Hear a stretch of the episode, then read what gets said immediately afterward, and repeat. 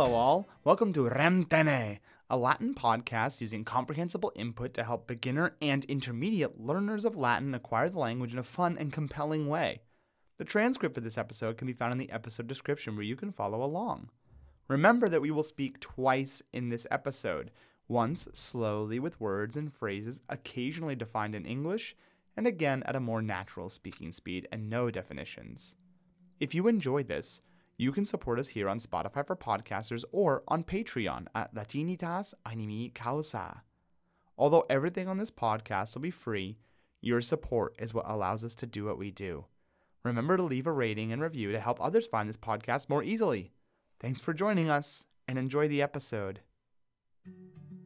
Salvete sodales, haec series est remtene, et serie sermonum latinorum ad linguam latinam discendam. Mihi nomen est Andreas, et hodie vobiscum loqui volo de nominibus, about names, de nominibus. Mihi nomen est Andreas, ut scitis, as you know, ut scitis, et sum Americanus habito enim in civitatibus foederatis Americae. KFA! KFA! KFA!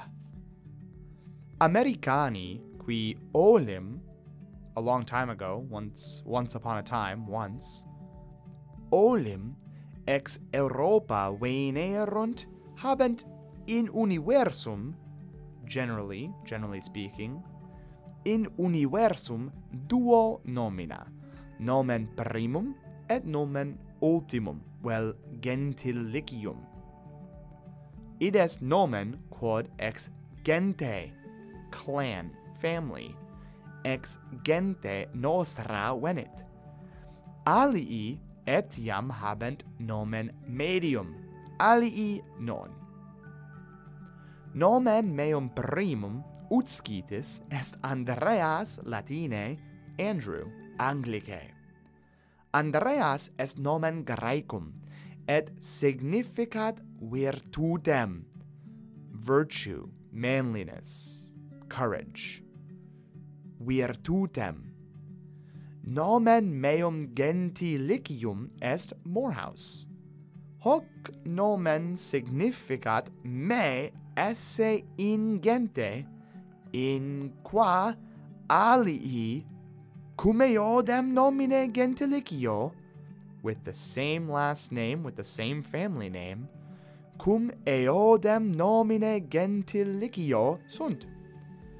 Nomen meum medium est paulus latine paul anglicae. Sed est etiam aliud mihi nomen. Ego adolescens catholicus fui. I was Catholic. Catholicus fui. Ergo habeo et nomen confirmationis. Confirmation name. Nomen confirmationis. Quod est Patricius. Well, Patrick. Totum igitur nomen meum latinum est Andreas Paulus Patricius Morehouse. Anglicum nomen est Andrew Paul Patrick Morehouse. Romani non habuerunt nomina, ut nos habemus. Viri Romani in universum habebant tria nomina, praenomen, nomen, well, nomen gentilicium, et cognomen. Feminae Romanae interdum duo, interdum tria nomina habebant. Ecce exemplum nominis viri Romani praeclarissimi of a most famous Roman man. Viri Romani praeclarissimi Gaius Julius Caesar. Julius est nomen gentis. Gaius est praenomen. Si sunt alii viri in gente Julia saepe habent alia praenomina. Caesar est cognomen. In gentibus maximis fuerunt multae stirpes, many branches, many family branches. Fuerunt multae stirpes. Caesar est cognomen stirpes gentis Juliae amici egitur caesares eum gaium vocabant. Saue gai! Feminae nomina habebant ex patribus suis. Nomen filiae Gai Julii Caesaris fuit Julia. Non habebat praenomen. Est ne hoc bonum? Mihi quidem non placet sic tamen fuerunt Romani. This is how the Romans were. Sic tamen fuerunt Romani. Bene, totam rem idrum dicam Calerius et sine verbis Anglicis. Salvete sodales, haec series est rem tene, et series sermonum latinorum ad linguam latinam discendam, Mihi nomenas Andreas et hodie vobiscum loqui volo de nominibus. Mihi nomen est Andreas, utscitis, et sum Americanus. Habito enem in civitativus foederatis Americae. Cea va, cea va, cea va. Americani qui olim ex Europa vene erunt habent in universum duo nomina, nomen primum et nomen ultimum vel gentilicium, id est nomen quod ex gente nostra venet. Alii etiam habent nomen medium, alii non. Nomen meum primum utscites est Andreas Latine, Andrew Anglicae. Andreas est nomen Graecum et significat virtutem. Nomen meum gentilicium est Morehouse. Hoc nomen significat me esse in gente in qua alii cum eodem nomine gentilicio sunt. Nomen meum medium est Paulus Latine, Paul Anglicae sedes etiam aliud mihi nomen. Ego adolescens catholicus fui, ergo habeo et nomen confirmationis, quod est Patricius, vel Patrick. Totum igitur nomen meum latinum est Andreas Paulus Patricius Morehouse. Anglicum nomen est Andrew Paul Patrick Morehouse.